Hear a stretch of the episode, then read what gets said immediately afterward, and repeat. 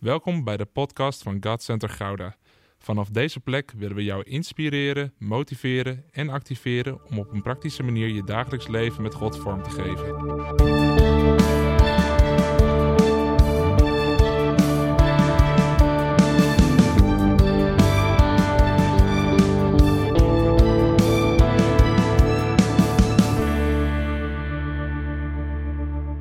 Jullie mogen blijven staan.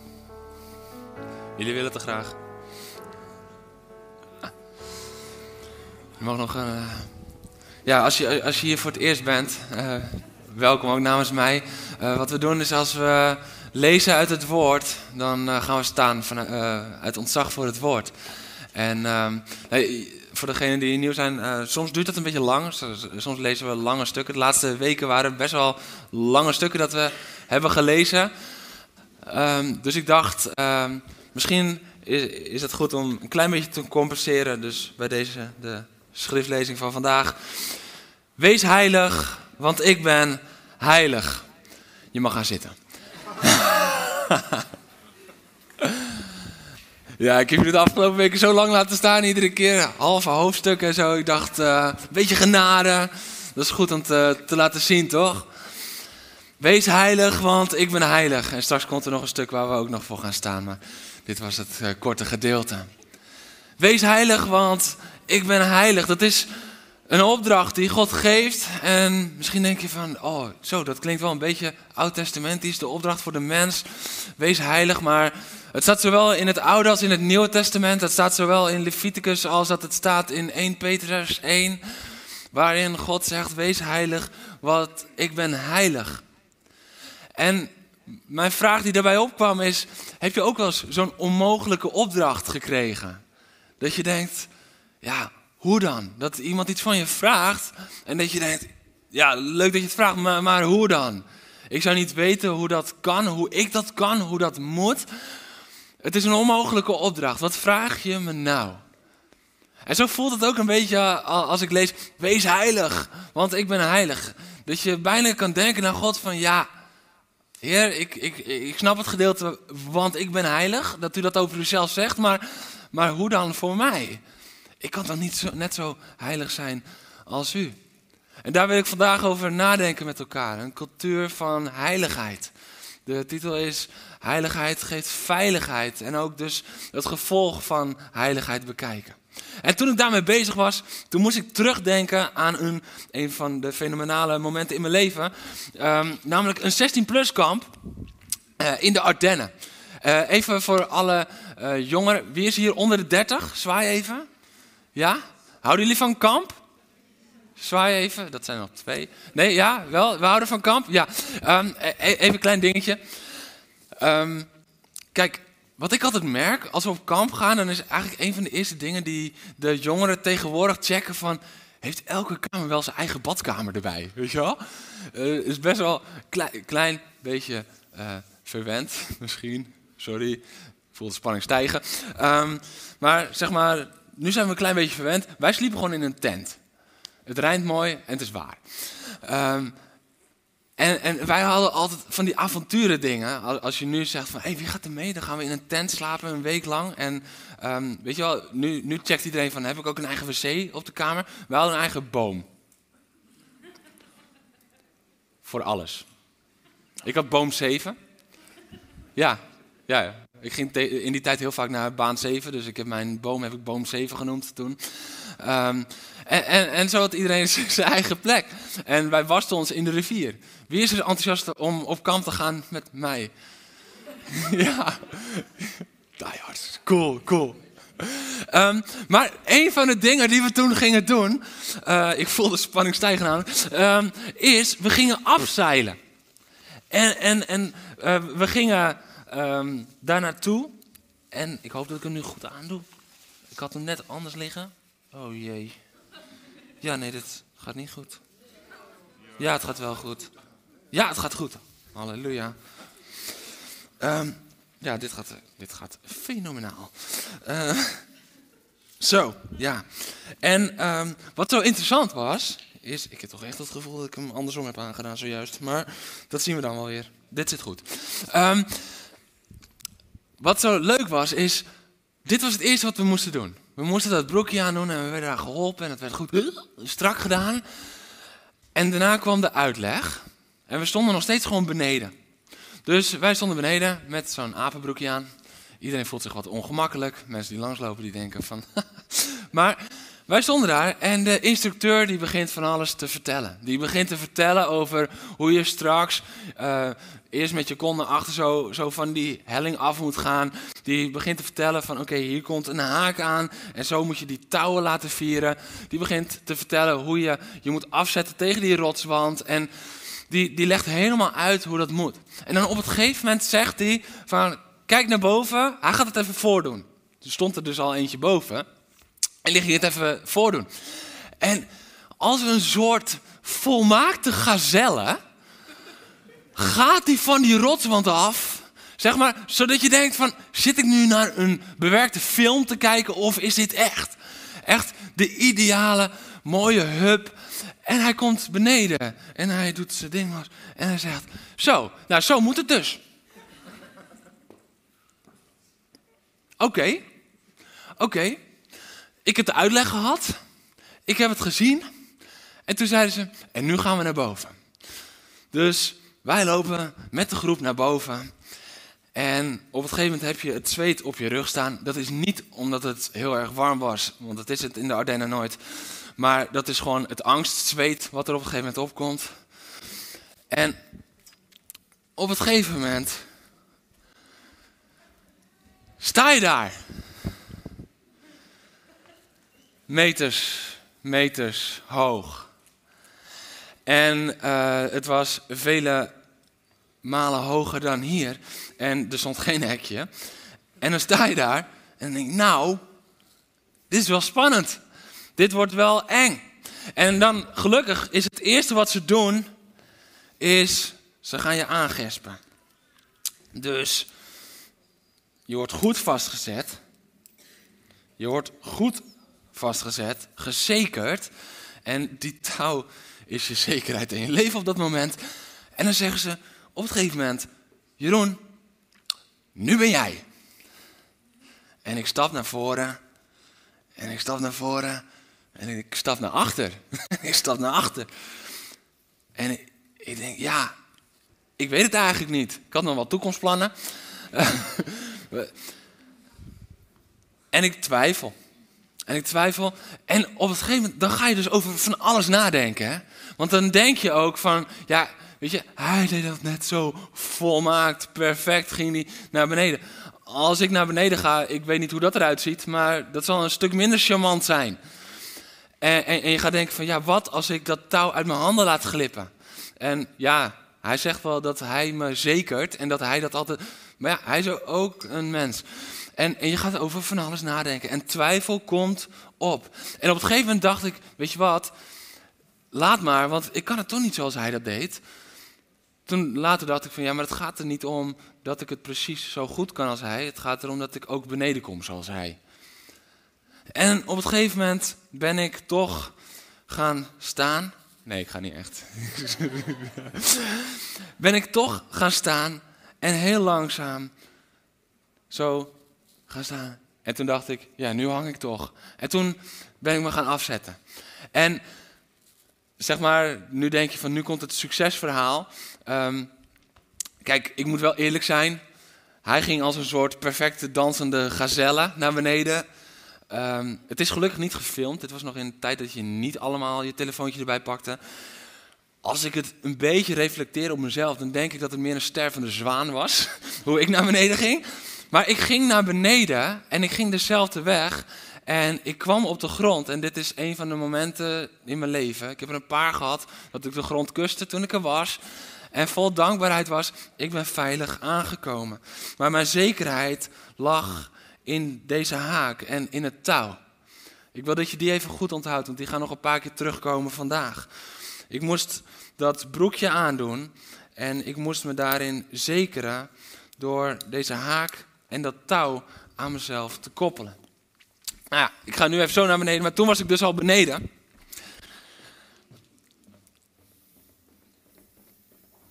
En hoewel ik dus een aantal keer dacht: hé, hey, dit is een onmogelijke vraag, kwam ik erachter dat de vraag niet zozeer onmogelijk was, maar dat ik hem onmogelijk maakte in mijn eigen hoofd.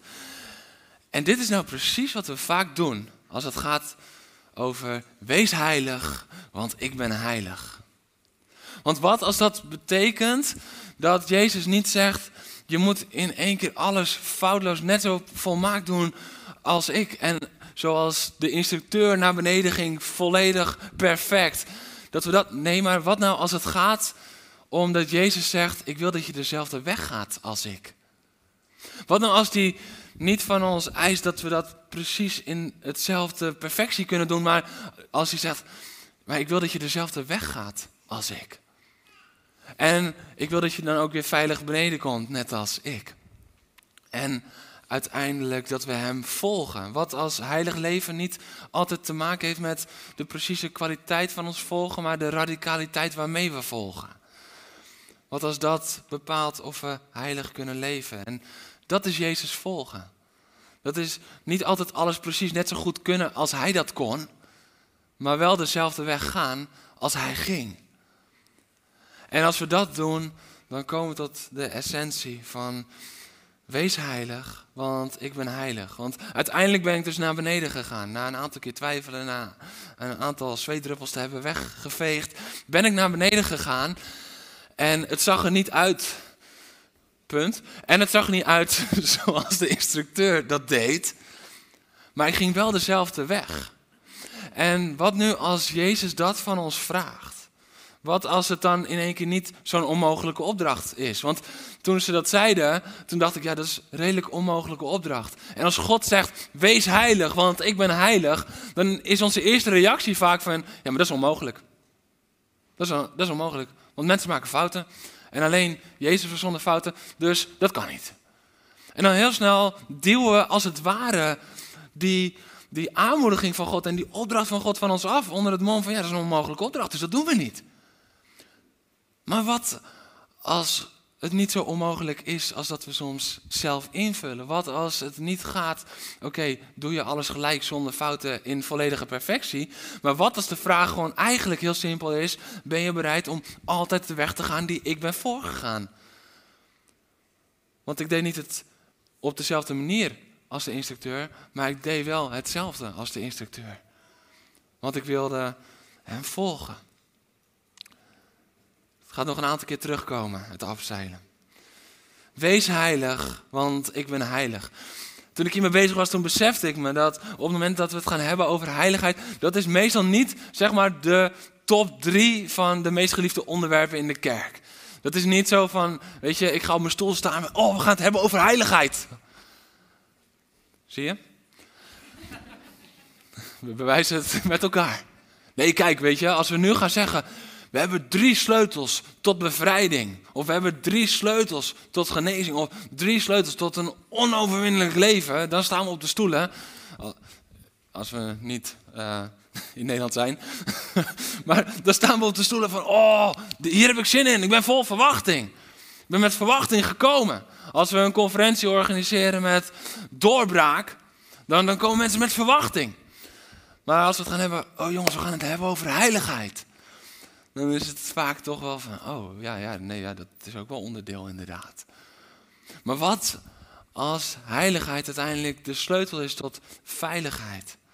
En wat als we even die wettische gedachten die we vaak erbij hebben, durven te parkeren? De gedachte dat we niet voldoen. De gedachte dat we ons moeten houden aan de wetten om zijn liefde en zijn gunst te kunnen verdienen. Want dat zijn leugens. Wat als we de gedachte van teleurstellingen even aan de kant durven te zetten om volledig open te zijn voor de boodschap over heiligheid? De gedachte van teleurstellingen, teleurstellingen over wat anderen hebben gedaan, teleurstellingen over je eigen falen. Dat je denkt van ja, maar ik heb het zo vaak al geprobeerd. En ik, en ik wil zo graag heilig, maar ik val iedere keer. En ik heb mezelf teleurgesteld, ik heb God misschien wel teleurgesteld. En, en ik kom daar niet. Wat als we opnieuw leren kijken naar heiligheid. Zoals de Bijbel heiligheid benadert. Wat als God heiligheid heel anders benadert als alles wat ik net heb genoemd. Ik wil vragen of je gaat staan nog één keer voor het woord van God. En dan wil ik lezen met je uit Jesaja 6. Een prachtig voorbeeld over hoe God kijkt naar heiligheid. Jesaja 6 vanaf vers 1. In het sterfjaar van koning Uzia zag ik de Heer gezeten op de hoogverheven troon. De zoon van zijn mantel vulde de hele tempel. Boven hem stonden serafs. Elk van hen had zes vleugels, twee om hun gezicht te bedekken en twee hun onderlichaam te bedekken en twee om mee te vliegen. Ze riepen elkaar toe, heilig, heilig, heilig is de Heer van de hemelse machten. Dit is wat er in die serafs omgaat, in de hemel omgaat. Heilig, heilig, heilig. Heel de aarde is vervuld met zijn majesteit. Door het luide roepen schudden de deurpinnen in de dorpels. En de tempel vulde zich met rook. En Jesaja zegt dan, en ik schreeuwde het uit. Wee mij! Ik moet zwijgen, want ik ben een mens met onreine lippen. En ik leef te midden van een volk dat onreine lippen heeft. En nu heb ik met mijn eigen ogen de koning, de Heer der hemelse machten gezien. Toen nam een van de serafs met een tang een gloeiende kool van het altaar en vloog daarmee op mij af. Hij raakte mijn mond ermee aan en zei: Nu zijn je lippen gereinigd, geheiligd. Je schuld is geweken, je zonden zijn er niet gedaan. Daarop hoorde ik de, Heer, de stem van de Heer zeggen: Wie zal ik sturen? Wie kan er namens ons gaan? En ik antwoordde: Hier ben ik, stuur mij. Je mag gaan zitten.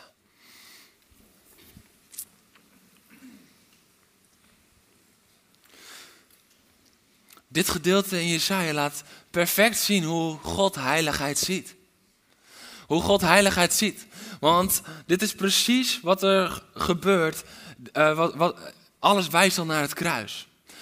Wat we zien is dat Jesaja onder de indruk is van de heiligheid en van de grootheid van God. En echt onder de indruk.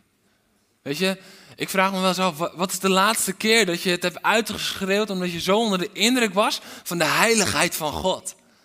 Dat hij zo heilig is, dat je zo vol ontzag voor hem bent. En dan heb ik het dus niet over, over dat hij wonderen doet of tekenen doet of alle andere verzetten die ook in God verborgen liggen, maar echt zijn heiligheid. Dat je echt. En dat je het uitschreeuwt en dat je op je knieën neervalt van Heer, u bent zo heilig. En, en Jesaja besefte, maar ik niet. Jesaja besefte van, maar ik heb onreine lippen en ik woon in een volk met onreine lippen. Dit gaat fout, want ik heb nu de Heer der Heren, de Heer van de hemelen. Ik heb hem gezien, de koning der koningen. Maar ik ben een man van onreine lippen en in een onrein volk. En dan zien we hoe God kijkt naar heiligheid. God zegt dan niet, inderdaad Jesaja, leer anders te spreken en kom over een jaar eens terug. God zegt dan niet, inderdaad Jesaja, ga je wassen en als je schoon bent, kom terug. Maar God laat hier al zien wat Jezus uiteindelijk zou doen aan het kruis. God laat hier al zien wat eigenlijk in de tabernakel ook iedere keer plaatsvond. Als je de, tabernakel inkwam, de tent van de samenkomst, als je de tempel inkwam, dan het eerste wat je zag was het altaar. Daar start je wandel met God, bij het altaar. En in het Oude Testament moesten er iedere keer offers gebracht worden. Maar uiteindelijk in het nieuwe verbond, dat is gesloten omdat Jezus aan het kruis ging, heeft hij zijn leven op het altaar gelegd. Ja, vertelt het er prachtig over vorige week. Over hoe Abraham zijn zoon Isaac op het altaar zou leggen, maar uiteindelijk dat God al had voorzien. En dat uiteindelijk de voorziening al in de struiken daar zat, tussen de dorens. Wat staat ook voor die, die vloek die hij heeft gedragen. En dat heeft hij op zich genomen en uiteindelijk de voorziening lag al daar. Maar we kunnen alleen daar komen als we naar het altaar durven te gaan. We kunnen alleen bij Gods voorziening komen. Gods voorziening in genade, ook in heiligheid, als we durven te stappen naar het altaar. En dan zien we dat Jezus op het altaar is gaan liggen voor ons. We zien het hier in Jesaja al prachtig duidelijk worden. Dat de serafs met een tang een gloeiende kool van het altaar nam. En hij raakte zijn mond ermee aan en zei, nu zijn je lippen gereinigd. Je schuld is geweken, je zonden zijn teniet gedaan. Wauw. Je lippen, ze zijn geheiligd. Je schuld is er niet gedaan. Je zonden zijn geweken. Jouw heiligheid is niet een gevolg van jouw goede daden, maar van één daad, van één man aan één kruis. Dat is heiligheid. Heiligheid is wie je bent geworden door het toelaten van het altaar in jouw leven. Van het toelaten van het kruis in jouw leven en Jezus daad aan het kruis in jouw leven. En dan wordt dat jouw identiteit. Maar dit is hoe God dus kijkt naar heiligheid. God is niet een God die, die, die zegt: Oké, weet je, ehm, daar is een touw. Ehm, succes. Ga maar afzeilen. Dit is vaak toch ons beeld van God. Hij is een liefdevolle vader, maar als we het over heiligheid hebben, hebben we het idee dat hij ons zonder touw, zonder broekje de berg af laat gaan. En ergens weten we vaak wel van nee, want de Bijbel leert anders, maar ergens in ons denken heeft dat zo'n vorm gevat van ik moet toch wel iets verdienen, want genade kan toch niet op zichzelf staan, we moeten toch wel. Maar God zegt nee. God zegt ik neem het van het altaar en jij hebt een nieuwe identiteit, want je bent geheiligd op het moment dat ik jou daar aanraak. Het altaar symboliseert het kruis en wat Jezus daar deed. En het altaar tegelijkertijd spreekt ook van overgave aan Hem. Omdat we daar naartoe lopen en we geven ons over zoals Abraham zichzelf overgaf aan God. Dat was de weg naar het altaar toe, was overgave aan God. En toen kwam hij op het punt dat hij zag, hé, de voorziening is daar. Ik hoef niet iets van mijzelf te geven, maar u heeft leven gegeven. Dat is het fundament van een heilig leven. Wees heilig is niet werk jezelf naar mijn niveau van heiligheid. Wees heilig is ontvang mijn werk op het altaar en leef naar je nieuwe status. Dat is wees heilig. Wees heilig is niet van oké, als je met die zonde en die zonde afrekent en dat proces in bent gegaan, dan op een gegeven moment ben je goed genoeg om in mijn aanwezigheid te komen. Nee, maar de weg naar het heilige der heiligen in die tabernakel, die begon met het altaar. Die begon met het beeld van, maar het is Jezus die het in jou en voor jou doet. Het is niet je eigen werken, nee, maar het begint allemaal al bij wat Hij heeft gedaan voor jou. En dat was de weg naar het heilige der heiligen, waar uiteindelijk het voorhangsel zou wegscheuren. Dat was de weg waardoor wij nu vrijmoedig naar God kunnen gaan. Dat begint bij het altaar, daar hebben wij niet zoveel aan toe te voegen. Dit is overigens precies wat ik rondom de doop zo vaak hoor. Rondom de doop hoor ik zo vaak van, ja, maar ik worstel hier nog mee. Of, ja, maar ja, weet je, dan, dan, moet ik eerst dit nog op orde krijgen. Ja, maar dit speelt er nog in mijn gezin, of dit speelt er nog in mijn familie, of dit speelt er nog in mijn leven. Dus ik, ik voel me er nog niet helemaal klaar voor. Oké, deze is tricky. Ik bedoel hem in volle liefde. Ja? Toestemming? Ja? Dopen gaat niet over hoe jij je voelt. Echt niet. Heeft eigenlijk helemaal niks mee te maken. Dopen gaat over wat Jezus voor jou heeft gedaan. En dat heeft helemaal niks te maken met hoe jij je voelt op sommige momenten. Want even heel eerlijk, als het gaat over hoe jij je voelt, kan jij op donderdagavond op de voorbereidingsavond helemaal denken: Oh, ik ben er klaar voor. Er gebeurt zaterdag wat en zondag wil je niet meer laten dopen. Maar er is niks veranderd in wat Jezus heeft gedaan voor jou. Er is niks veranderd in jouw nieuwe status op het moment dat je Jezus hebt aangenomen als jouw Heer en jouw Redder. Als je je leven hebt toegewijd aan Hem die zijn leven heeft gelegd op het altaar voor jou. Jij bent geheiligd en daar mag je naar leren leven. En, en zo werkt het ook met de doop. Je hoeft niet naar de doop toe te werken, je mag vanuit de doop gaan leven. Het eerste wat er steeds weer gebeurt nadat iemand tot bekering is gekomen in de Bijbel is kopje onder. We gaan eerste paasdag, in de paasdienst, gaan we weer dopen. En als jij nog niet gedood bent en jij hebt je door deze leugens die ik net ontmasker vanuit het woord, heb jij je misschien wel jaren of maanden tegen laten houden. Eerste paasdag is jouw dag. Eerste paasdag is de dag dat je kopje onder mag gaan. In volle zekerheid en in vol vertrouwen. Ik mag dit doen. Niet omdat ik het zelf allemaal zo goed op orde heb gewerkt. Nee, maar om wat Jezus heeft gedaan voor mij. Want ik ben geheiligd, gerechtvaardigd en gereinigd in Hem. En ik mag die stap maken. Ik mag als discipel de eerste stap maken. En van daaruit gaan leven. Niet er naartoe gaan werken. Het is een van de grootste leugens in de kerk. Dat we naar de doop toe moeten werken. Het is bijbels totaal onverantwoord. Want dan zouden we toch nog zelf iets toe te voegen hebben aan het werk aan het kruis. En dat durven toch geen van allen te beweren. Dat we zelf nog iets toe te voegen hebben aan het werk dat Jezus heeft gedaan. We weten het. Maar soms voelen we het niet. En dan laten we ons er door tegenhouden. Maar de doop heeft niet zoveel te maken met hoe we ons voelen. De doop heeft te maken met wat Jezus heeft gedaan voor jou. En dat is jouw zekerheid. Dwars door elk gevoel heen. Want heiligheid is wie je bent. Heiligheid is niet wat je niet doet. Heiligheid is wat je bent, niet wat je niet doet. Als we even teruggaan, helemaal naar het begin, dan zien we dat God zegt: Wees heilig, want ik ben heilig. Dus, dus wij moeten heilig zijn, omdat Hij heilig is. Dus eigenlijk, als je hem even onderuit is: Ik ben heilig, dus wees heilig. Dat, dat is eigenlijk wat hij daar ook zegt. Maar dan denken we allemaal van, ja, maar dan moet ik dit of dat doen, of dan moet ik dit of dat niet meer doen. Maar daar gaat het niet zo om. Maar we moeten weer terug naar ons original design. Hoe zijn wij gemaakt? Wij zijn naar het evenbeeld van God gemaakt. God zegt in Genesis 1, laat ons mensen maken naar ons evenbeeld, die op ons lijken. Wij zijn gemaakt naar zijn evenbeeld.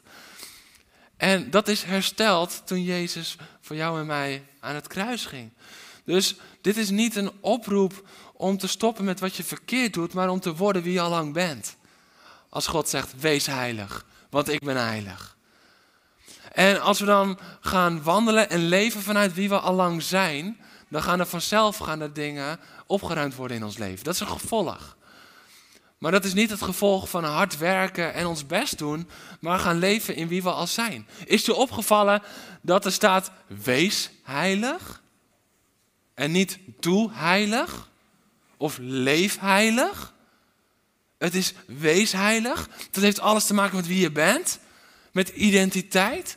God legt hier nog een keer de nadruk. Wees heilig, leef vanuit je identiteit die ik al in je heb gelegd, want ik ben heilig. Ik ben je vader. Als kind mag je daarin hetzelfde DNA dragen. De Bijbel leert dat we al geheiligd zijn en gerechtvaardigd zijn. En dan komt het punt dat het woord zegt dat we ons daarmee moeten bekleden. Bekleed je met Jezus, bekleed je daarin met heiligheid. Want het is een nieuwe status die we hebben ontvangen. Jouw status vanaf het moment dat jij Jezus aannam als redder, was heilig. En is heilig en zal blijven heilig. Ook als je een grove fout maakt. Ook als je zondigt.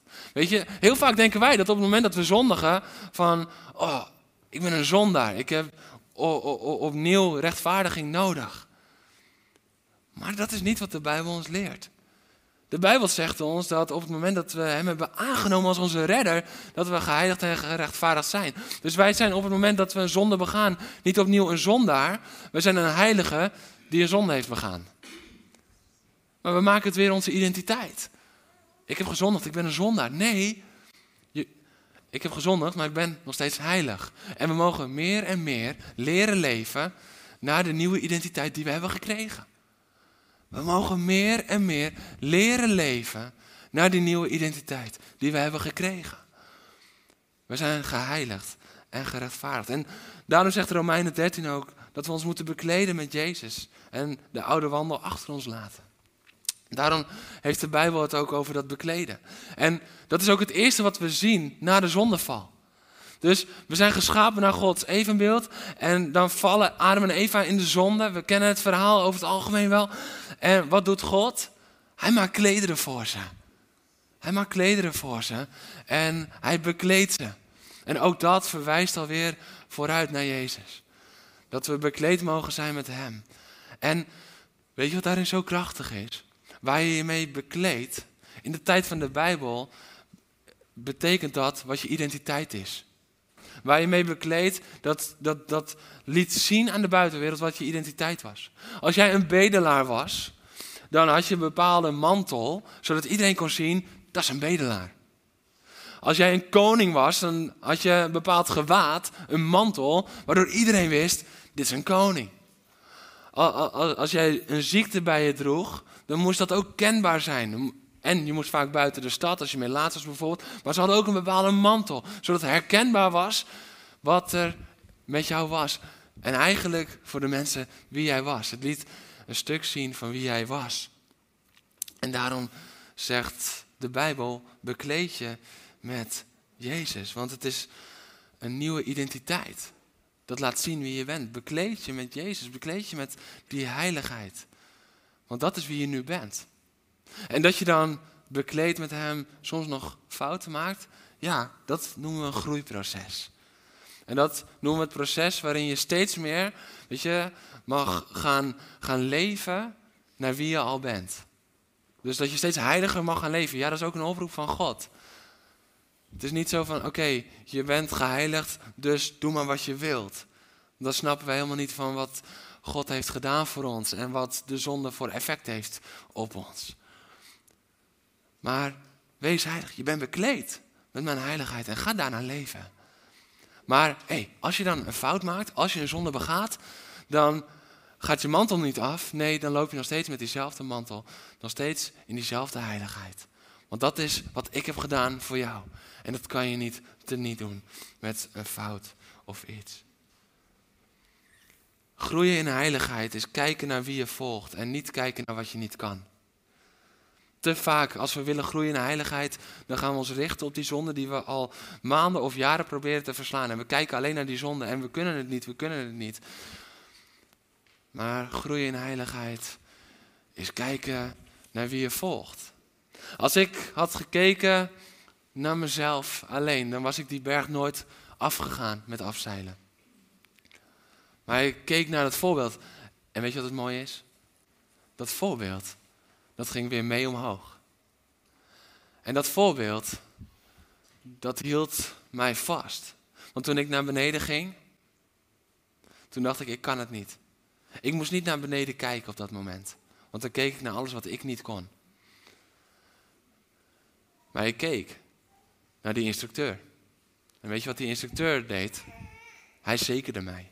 Hij stond daar op die berg en hij zekerde mij. Dus als ik een fout maakte, als dat touw uit mijn handen glipte, als ik te snel ging, dan alsnog viel ik in het slot. Waarom? Omdat hij me vast had. Daar leerde ik. Ik moet kijken naar de juiste persoon.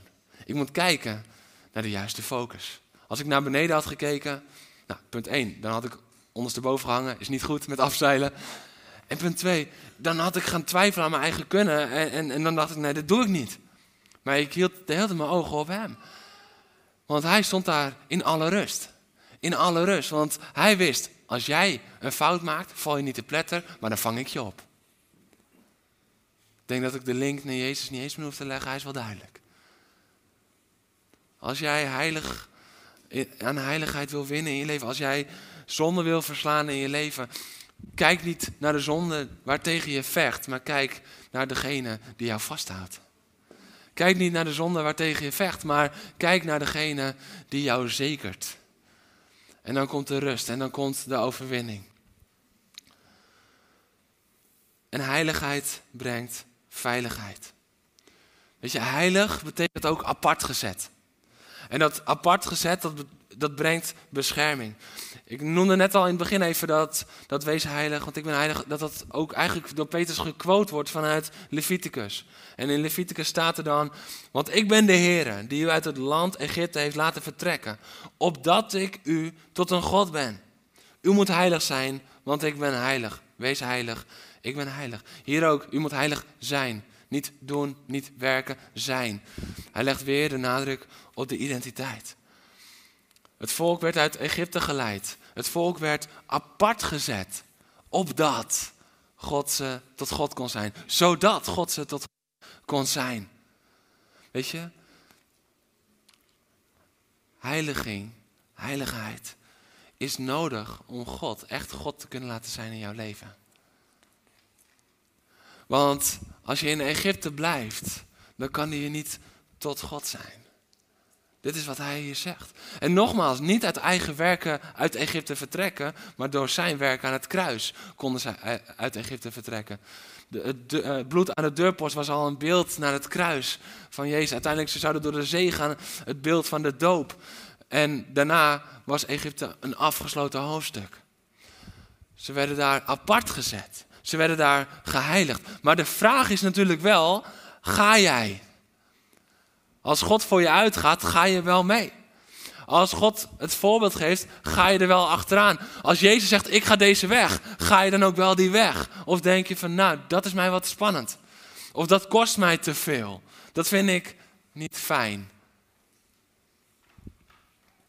Heiligheid brengt veiligheid, want het volk Egypte was voor eens en voor altijd was het bevrijd onder de slavernij, onder de onderdrukking vandaan.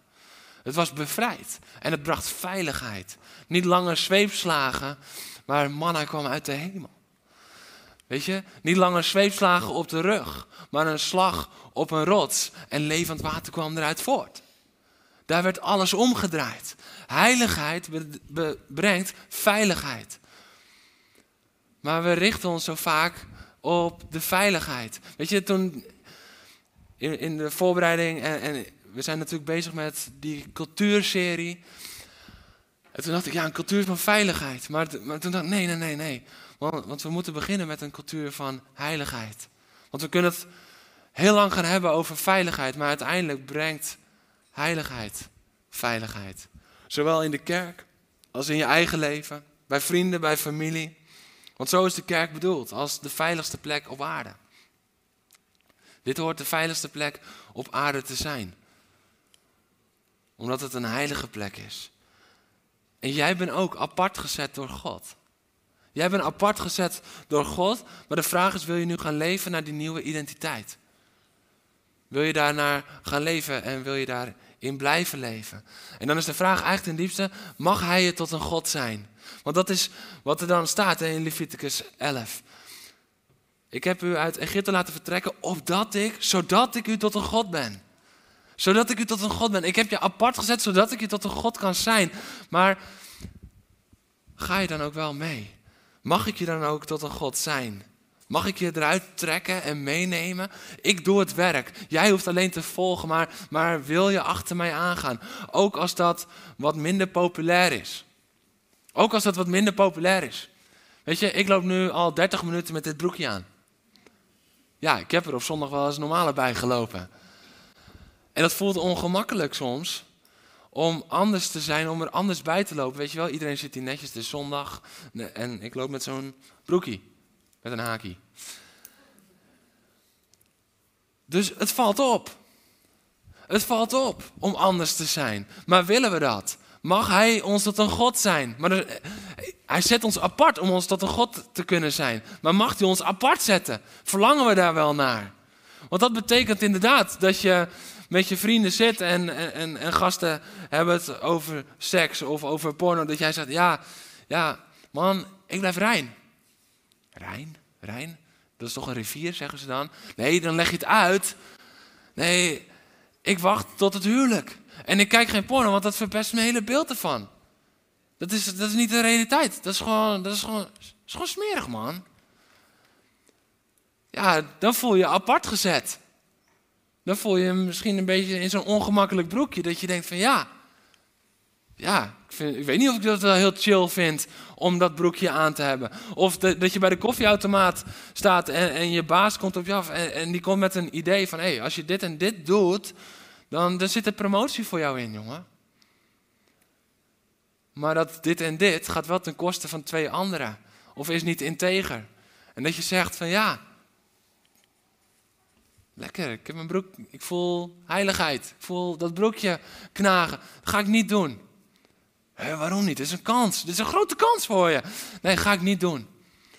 Want ik wil mijn integriteit bewaken. En mijn integriteit gaat boven mijn positie. Gaat boven mijn promotie. Ik doe dit niet. Want dit is ten koste van anderen. En ten koste van anderen is nooit goed. Er zijn momenten dat we de heiligheid, dat we voelen van hé, hey, dit knelt soms een beetje. Het is, zit niet altijd even lekker. Maar weet je, we hebben net gekeken naar afzeilen. Maar vaak willen we wel het avontuur met God, de grote dingen met God meemaken. Maar zijn we ook bereid om de heiligheid te dragen, het broekje aan te doen, ook als dat even niet zo lekker zit. Ook als dat even schuurt ten opzichte van wat anderen vinden. En dat je denkt van ja, anderen vinden dat er raar uitzien. Maar het brengt wel veiligheid, want zonder dit broekje durf je de berg niet af. Ik heb nog nooit iemand meegemaakt die zei van kom, laten we gaan afzeilen. Heb je het al vaak gedaan? Nee, dat is de eerste keer. En die boven stond en die zei, nou, weet je wat? Ik doe het wel zonder broekie. Ik ga wel gewoon. Heb ik nog nooit meegemaakt. Waarom niet? Dat doe je niet. Dat is niet veilig. Maar we willen altijd wel de veiligheid, maar willen we ook de heiligheid. Want de heiligheid, het broekje, is de kern van veiligheid. In de kerk, in jouw leven, in jouw gezin, in jouw familie, in jouw vriendengroep, op jouw werk. Jouw heiligheid bepaalt de veiligheid. En als we een veilige cultuur willen in de kerk, in onze families, gezinnen, vrienden, thuis, dan moeten we verder gaan dan alleen maar streven naar een open en transparante cultuur. Ik denk, ik, ik denk dat we allemaal, of je hebt echt een soort social media, media, tv, internet, levensstop gehad de afgelopen drie weken, of je hebt gehoord van alle dingen die bovenkomen naar aanleiding van The Voice. We hebben zoveel dingen die nu naar boven komen. Zoveel onreine troep die naar boven komt. Maar weet je, er, er, is, er is één ding en ik, ik blijf me daarover verbazen en ik snap het gewoon niet. Wat ik niet snap is dat elk gesprek momenteel gaat over hoe we als bedrijven, als instanties, als producties, hoe we opener en transparanter kunnen worden, zodat als vrouwen dit is aangedaan, dat ze ermee durven komen. Dat is het gesprek wat continu wordt gevoerd. Maar weet je wat ik niet begrijp? Dat ik de afgelopen drie weken niemand heb horen zeggen: het wordt tijd dat er wordt gegroeid in heiligheid, zodat dit niet meer gaat gebeuren. Ik snap het niet hoor. Ik verbaas me er elke dag over. Ik heb intern error, error, error. Iedere keer als ik er een gesprek over hoor. Want het gaat over, ja nee, ja, als bedrijf moeten we transparant, ja we praten er nu over. En, maar ik weet niet waarom niemand dat snapt. Maar volgens mij is het aan de voorkant op te lossen. Als we de principes van God weer in de praktijk gaan brengen met elkaar. Als we het gezin weer centraal gaan stellen in onze samenleving. Als we de principes van God, van heiligheid, dan is dat gesprek achteraf niet meer nodig om herstelwerk uit te voeren, omdat het aan de voorkant nooit heeft plaatsgevonden. Het is tijd voor heiligheid. Want heiligheid brengt veiligheid. Het is een schijnveiligheid die we proberen te creëren in de samenleving. Ja, nee, dit is een veilig bedrijf, want als je iets is aangedaan, kun je daar naartoe. Wat? Hoor je hoe krom we denken? En hoor je hoe krom we erin meegezogen worden? En niemand die denkt van, nou, dat vind ik eigenlijk wel raar. Het enige wat echt veiligheid brengt, is heiligheid. Want dan gebeurt dat niet meer. Als mannen zich weer helemaal gaan toewijden aan hun eigen vrouw en gezin. Als vrouwen zich weer helemaal gaan toewijden aan hun eigen man en gezin. Als vaders en moeders zich weer gaan toewijden aan een heilige opvoeding voor hun kinderen. Dat ze de principes van God, dat ze die weer hoog in het vaandel gaan zetten. Weet je, Gods hart geneest.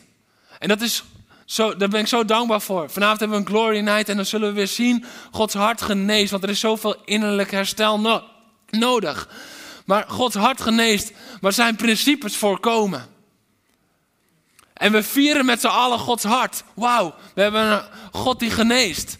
Maar als we gaan wandelen in zijn principes, dan gaat dat voorkomen. Dan gaat dat pijn voorkomen. Dan gaat dat schade voorkomen. dan gaat dat misbruik voorkomen.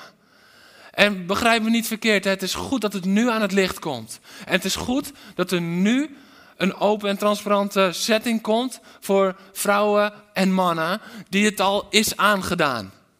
Maar om te zeggen dat dat de oplossing is, dat is zoiets als je kop in het zand steken en verwachten dat er dan gewoon niks buiten is. Want dat slaat helemaal nergens op. Want dan over vijf jaar doen we nog precies hetzelfde. Herstelwerk. Maar God is een God van herstel. Maar God blijft niet bij herstel. Hij geeft zijn principes zodat het aan de voorkant anders kan worden. Hij geeft zijn principes zodat het herstelwerk op een gegeven moment niet meer nodig is, maar dat het voorkomen is. En het is tijd dat we zijn principes weer gaan vieren. Want we vieren wel zijn hart, maar nog niet zijn principes. Maar zijn hart geneest als er al iets is gebeurd. Maar zijn principes voorkomen voordat het is gebeurd. Dat is wat ik wil vieren. Ik wil zijn principes vieren. Want dat zorgt ervoor dat die pijn er niet is. Dat zorgt ervoor dat die schade niet wordt geleden. Dat zijn zijn principes. Weet je, dit is waarom Jezus ook zegt. Weet je, Jezus is soms echt nog heftiger als de wet in het Oude Testament. Alleen we mogen vanuit genade leven en dat ons toe-eigenen in plaats van dat we daar naartoe moeten groeien. Dat is het verschil met het oude verbond. Het is omgedraaid. We hoeven niet meer naar God toe te werken, maar God is naar ons toe gekomen. Dat is het grote verschil, begrijp me niet verkeerd. Maar het Oude Testament zegt dat je geen overspel mag plegen. Jezus weet dat de wortel al dieper zit. Jezus weet dat op het moment dat we alleen maar denken: nee, ik mag geen overspel plegen, maar kijken, daar doe ik niemand mis mee. Dat het dan op het gegeven moment uiteindelijk wel fout zou gaan. Dat het dan uiteindelijk, dat onze daden worden meegezogen door ons denken. De bron van heiligheid ligt niet in jouw daden, maar in jouw denken. Heiligheid wordt niet geboren in jouw daden, nee, dat wordt geboren in jouw denken. Daarom zegt Jezus, ja, het oude, de wet zegt, je, je mag geen overspel plegen. Ik zeg je, als je al kijkt en begeert, heb je al overspel gepleegd. Jezus weet dat als we het in ons denken toelaten, dat het in onze daden zal voortvloeien. Want zo werkt het in de mens. Dus het is niet alleen onze daden. Nee, het is ons denken. Vanuit wie we zijn. Want de Bijbel zegt, zoals een mens denkt, zo is hij. Is. Identiteit. Ons denken en onze identiteit horen op één lijn te zijn. Op één lijn te zitten. Die kan je niet loshalen van elkaar. Je kan niet denken, ik ben heilig, maar ik hoef niet altijd zo te blijven denken. Laat mij lekker denken wat ik wil. Nee, ik ben heilig en ik wil mijn denken daarnaar vormen. Ik wil gaan denken zoals ik ben. Ik wil gaan leven zoals ik denk, omdat ik denk zoals ik ben en ik ben heilig. Ik vraag of de band alvast naar voren wil komen. Wees heilig, want ik ben heilig. Het is een opdracht die God geeft.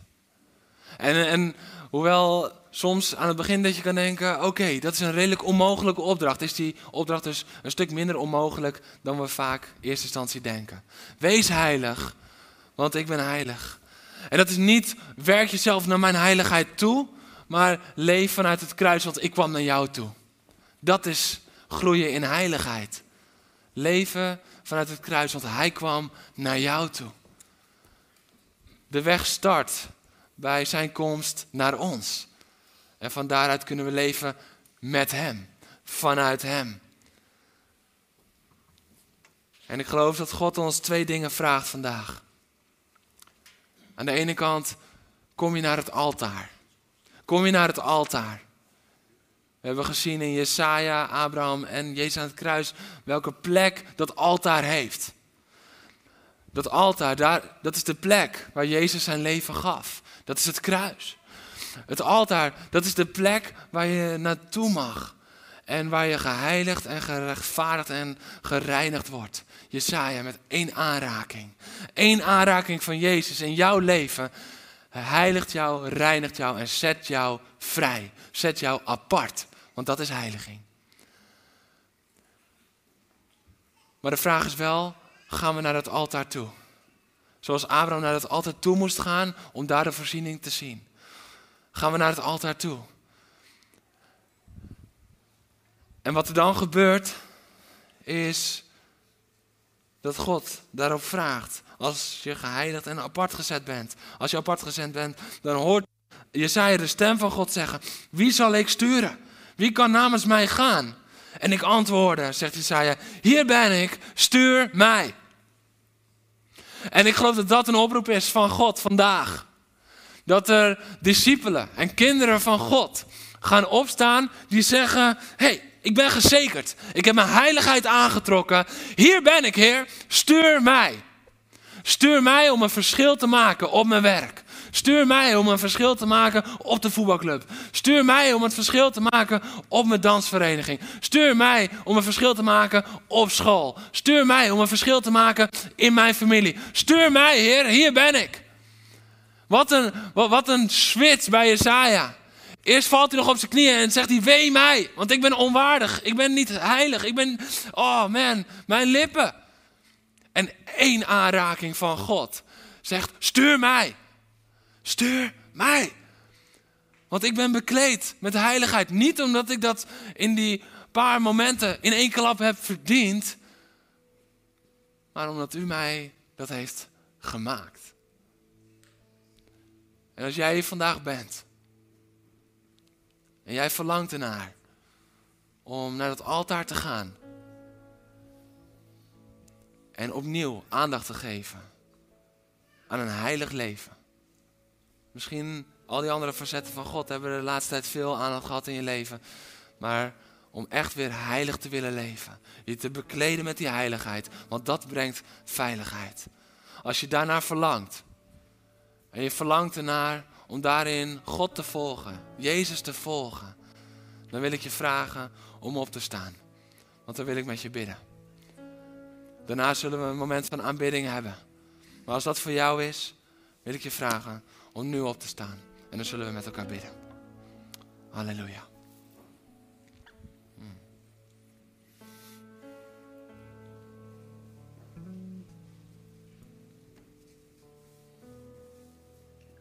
Want Jezus, hier zijn wij. Jezus, hier zijn wij. En we willen ons vandaag opnieuw toewijden aan heiligheid. Maar niet vanuit het zelf zo hard werken en verdienen zodat we heilig kunnen zijn. Maar Heer, vanuit u, u het heeft gezegd in uw woord en heeft bedoeld in ons leven. Vanuit onze identiteit die we hebben ontvangen van u. Heer, u heeft ons heilig gemaakt. U heeft ons rein gemaakt. U heeft ons schoon gewassen. Heer, en vanuit dat, vanuit die identiteit willen we leven. Willen we ons bekleden met u. Bekleden met die heiligheid. Ook als dat maakt dat we er anders uitzien als anderen. Ook als dat maakt dat we een verschil maken met anderen. Ook als dat maakt dat anderen heel anders naar ons gaan kijken. Maar we weten dat die heiligheid, dat het veiligheid brengt. Heer, we komen nu naar het altaar om te zien wat u heeft gedaan. Om aangeraakt te worden door u. Heer, en ik bid dat die ene aanraking. Heer, dat die ene aanraking de verandering brengt zoals bij Jesaja. Van een nietig en minderwaardig gevoel. Omdat we tekortschieten ten opzichte van uw heiligheid. Dat we onze identiteit in u hebben leren kennen. En hebben ontdekt.